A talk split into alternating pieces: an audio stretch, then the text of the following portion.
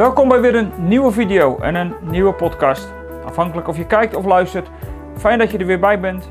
Mijn naam is Theo de Koning van eindeloosgelukkig.nl en bij Eindeloos Gelukkig hebben wij het grote verlangen dat het Koninkrijk van Jezus Christus op aarde steeds meer zichtbaar wordt en steeds meer zal doorbreken en dat iedere gelovige tot een moedige en krachtige discipel voor Jezus hier op aarde zal rondlopen. En daarnaast in deze serie Leven in de eindtijd wil ik u natuurlijk ook gewoon bemoedigen om als discipel, als volgeling van Jezus, moedig stand te houden in die tijd die we de eindtijd noemen, het laatste gedeelte van de wereldgeschiedenis. En daar zitten we middenin. Dat hebben we al lang gezien in deze serie.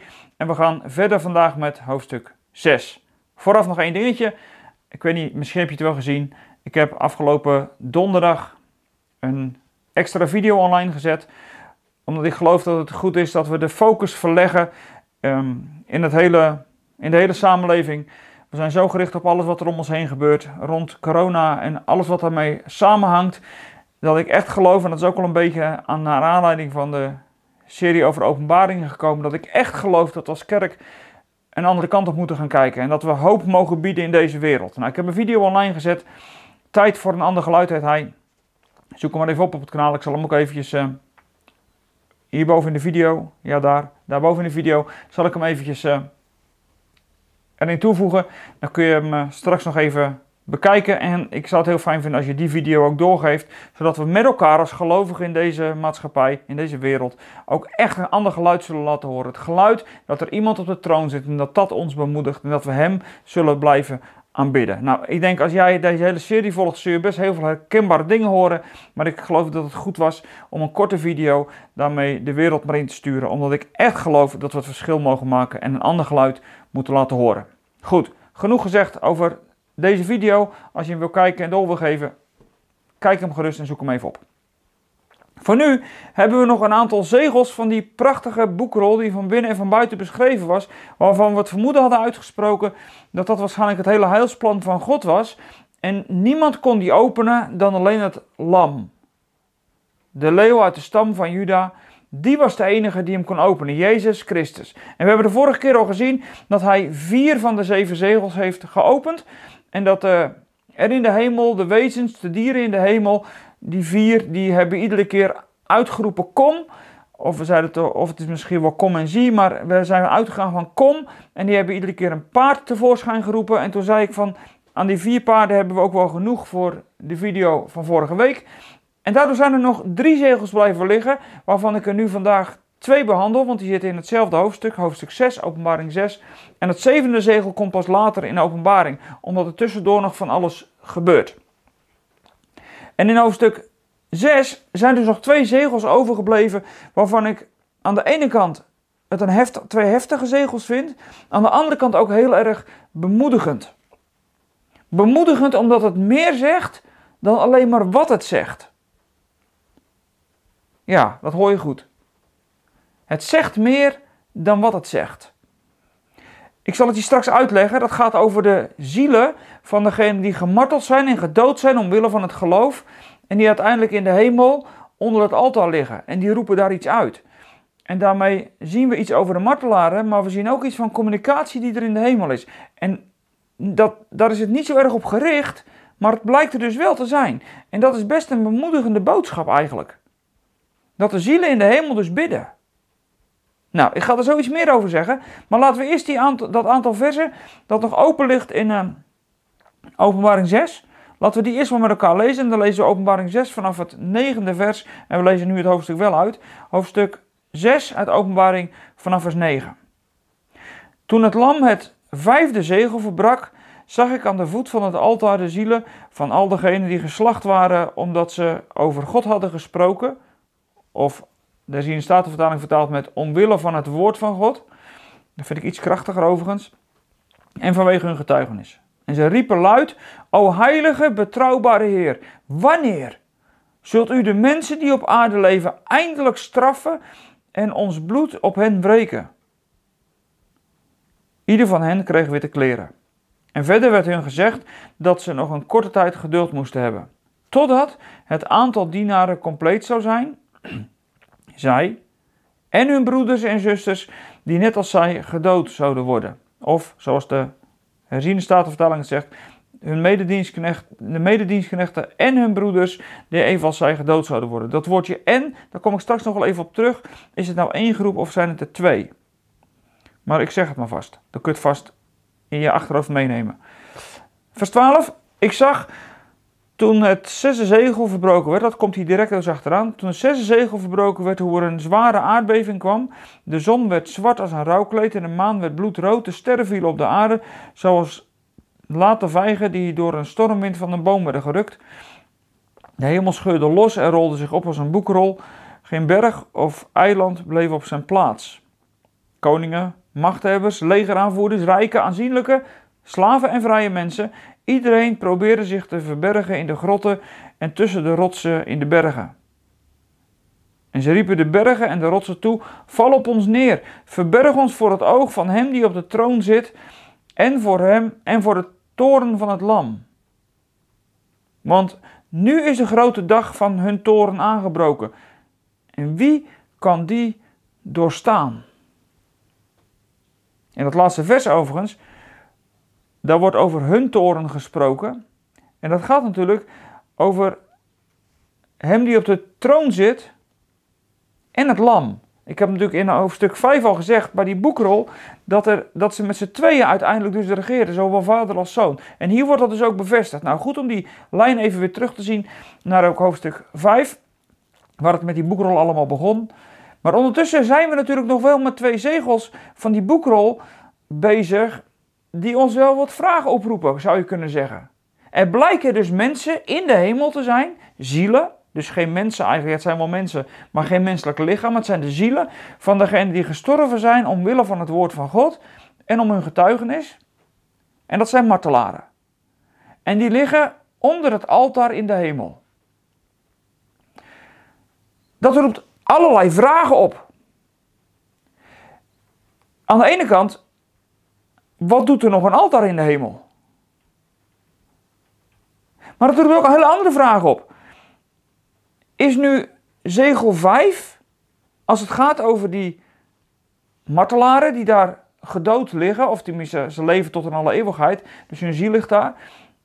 Is dat vijfde zegel nou het vervolg van die eerste vier? Sommigen zeggen van wel, en sommigen zeggen ja, het is het gevolg van die paarden.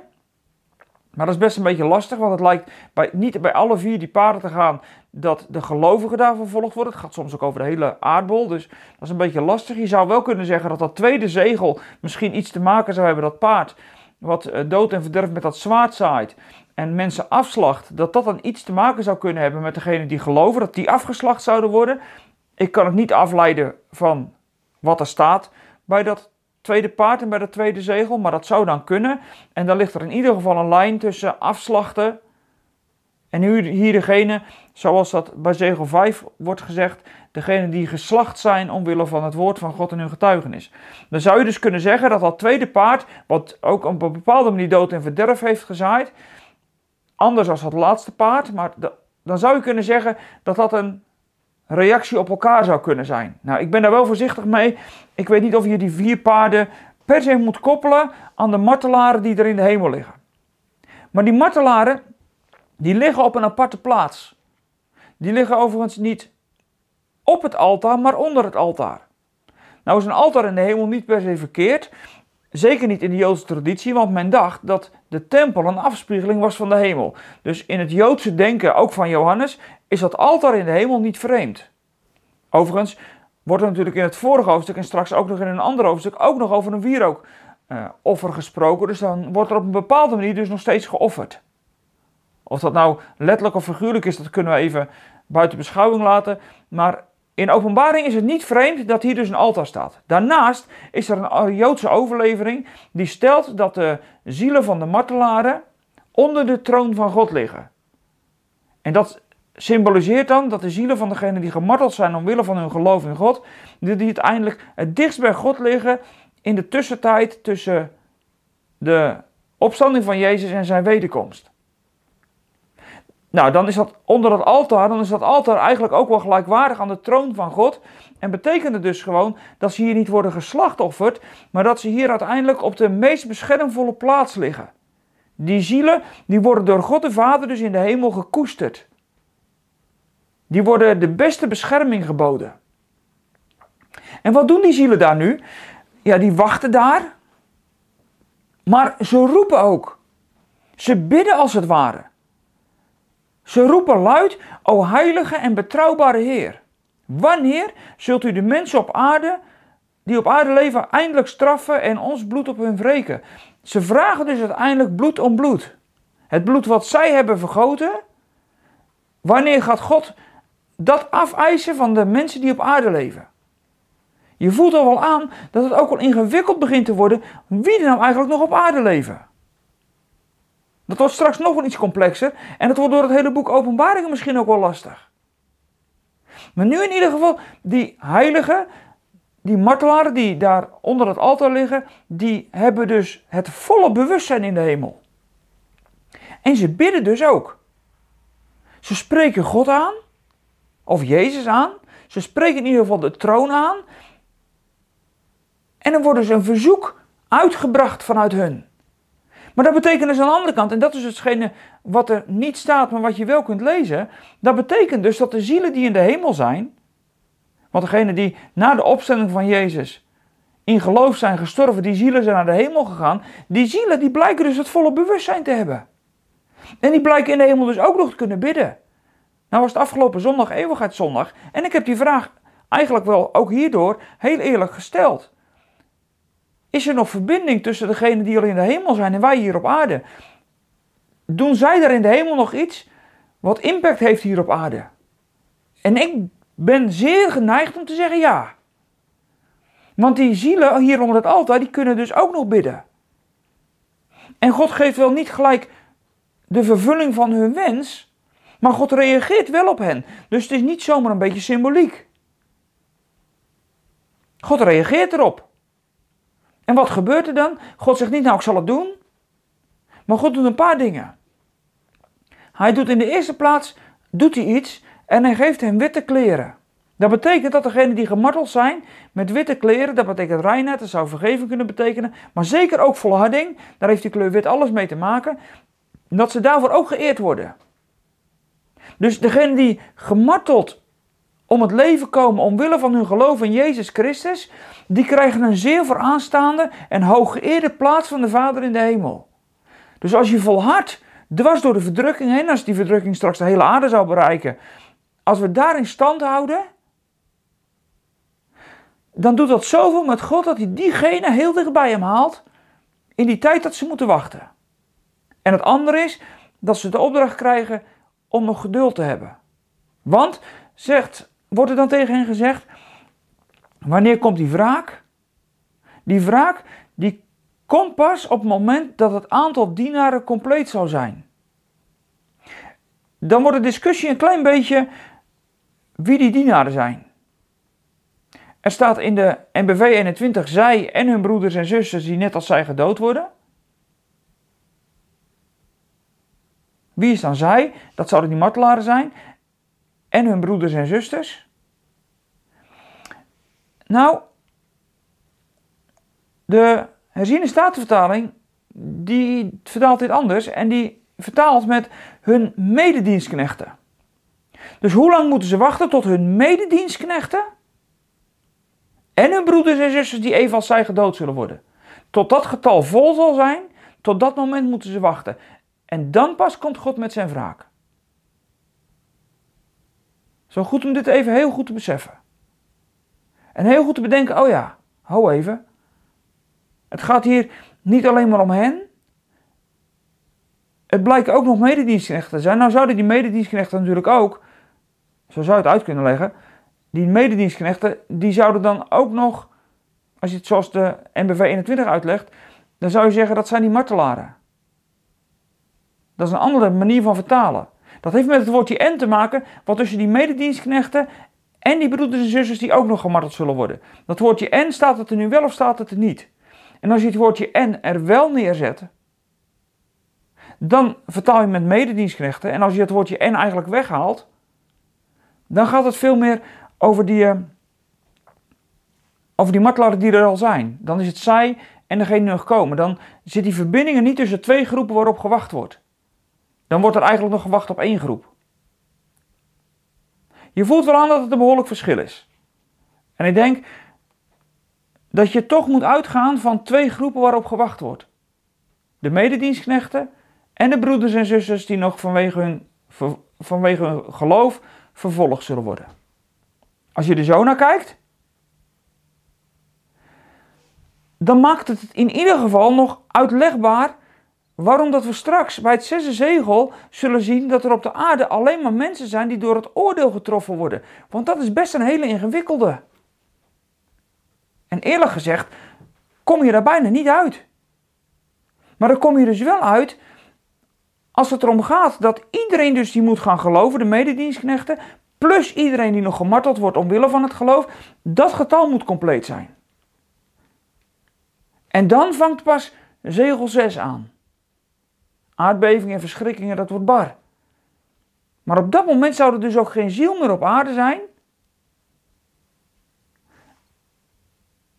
Die nog door het oordeel zou heen moeten, terwijl het eigenlijk niet kan.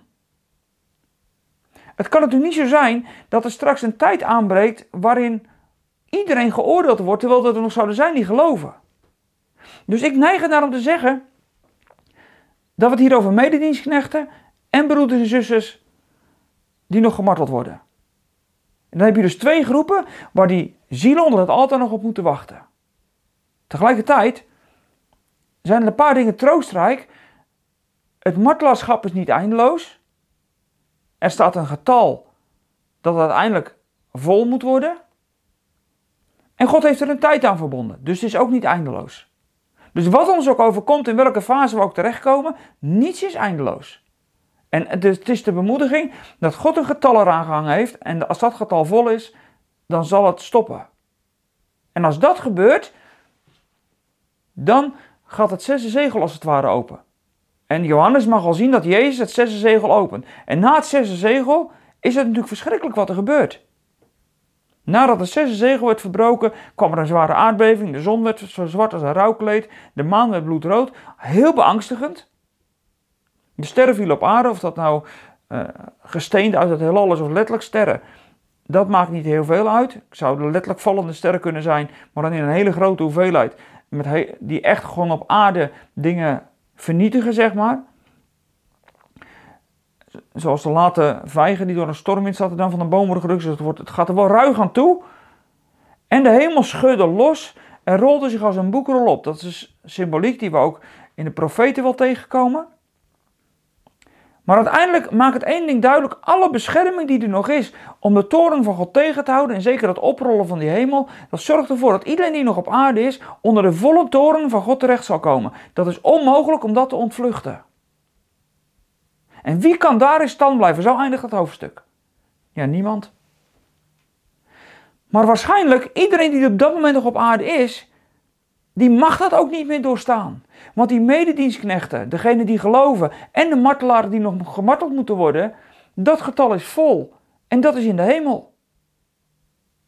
En dan kun je zeggen, zijn dat dan de zielen? Alleen maar van degene die, waar het om gaat? Gaat het om de zielen van de mededienstknechten, van die gelovigen? En de zielen van degene die nog gemarteld moeten worden? Of gaat het hier over een opname van de gemeente? Dat is veel te vroeg om hier al wat over te zeggen, dat komt later nog wel. Maar dat zou dus kunnen. Het zou kunnen dat eerst alle gelovigen tot geloof gekomen moeten zijn en uiteindelijk al gestorven zijn en dat dan pas dat laatste gedeelte van hoofdstuk 6 aan de orde komt. Het zou ook kunnen dat iedereen eerst tot geloof moet komen. De martelaren zijn ondertussen dan gestorven, die er nog moeten komen. En degene die tot geloof gekomen zijn niet gestorven zijn, dat die dan opgenomen worden in de hemel.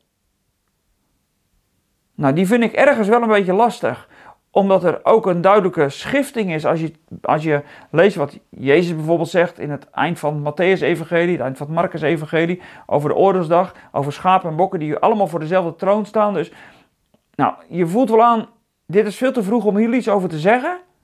Maar in ieder geval geloof ik wel dat het hoofdstuk 6, dat zesde zegel, dat dat niet per se een situatie hoeft te zijn waar nog mensen zijn die nog geloven. Dat er zoveel je als gelovige gaan overkomen zoals eind van hoofdstuk 6.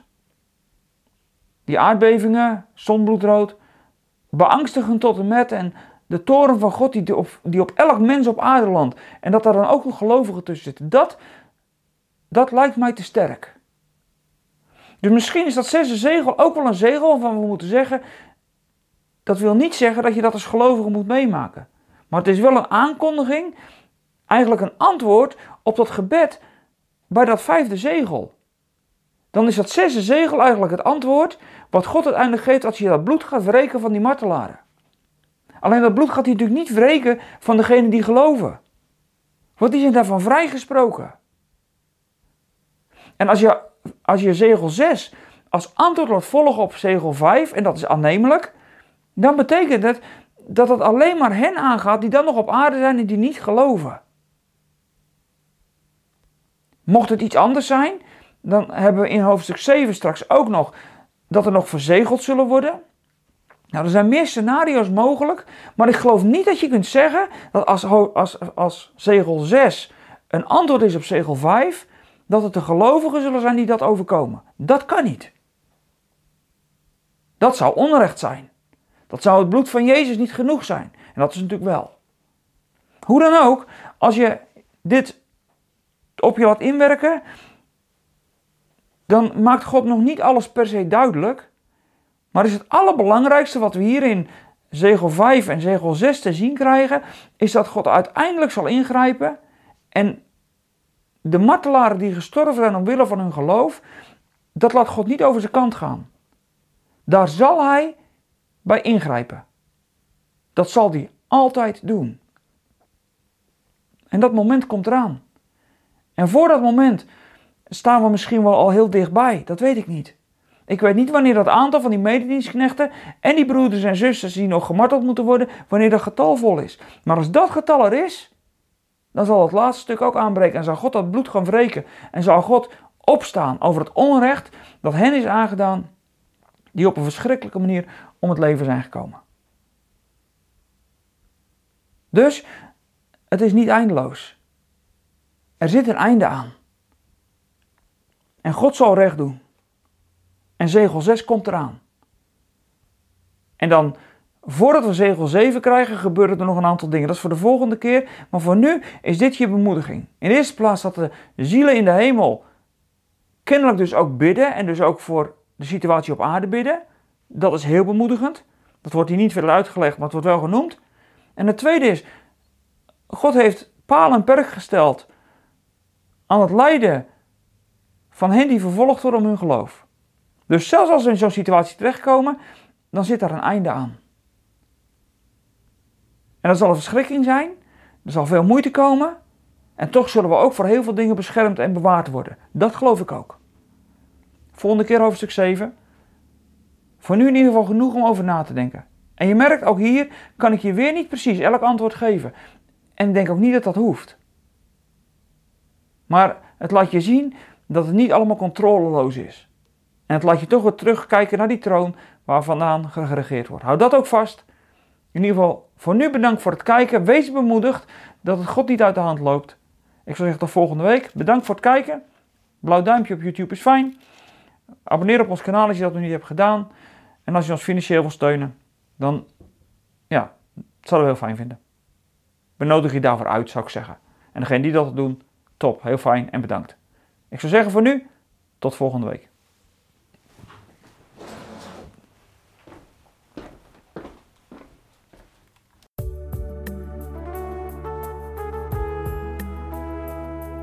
We zijn er weer aan het einde van deze podcast. Spreken deze podcast je aan en wil je ons met de gift ondersteunen? Kijk dan voor meer informatie op www.eindeloosgelukkig.nl/podcast.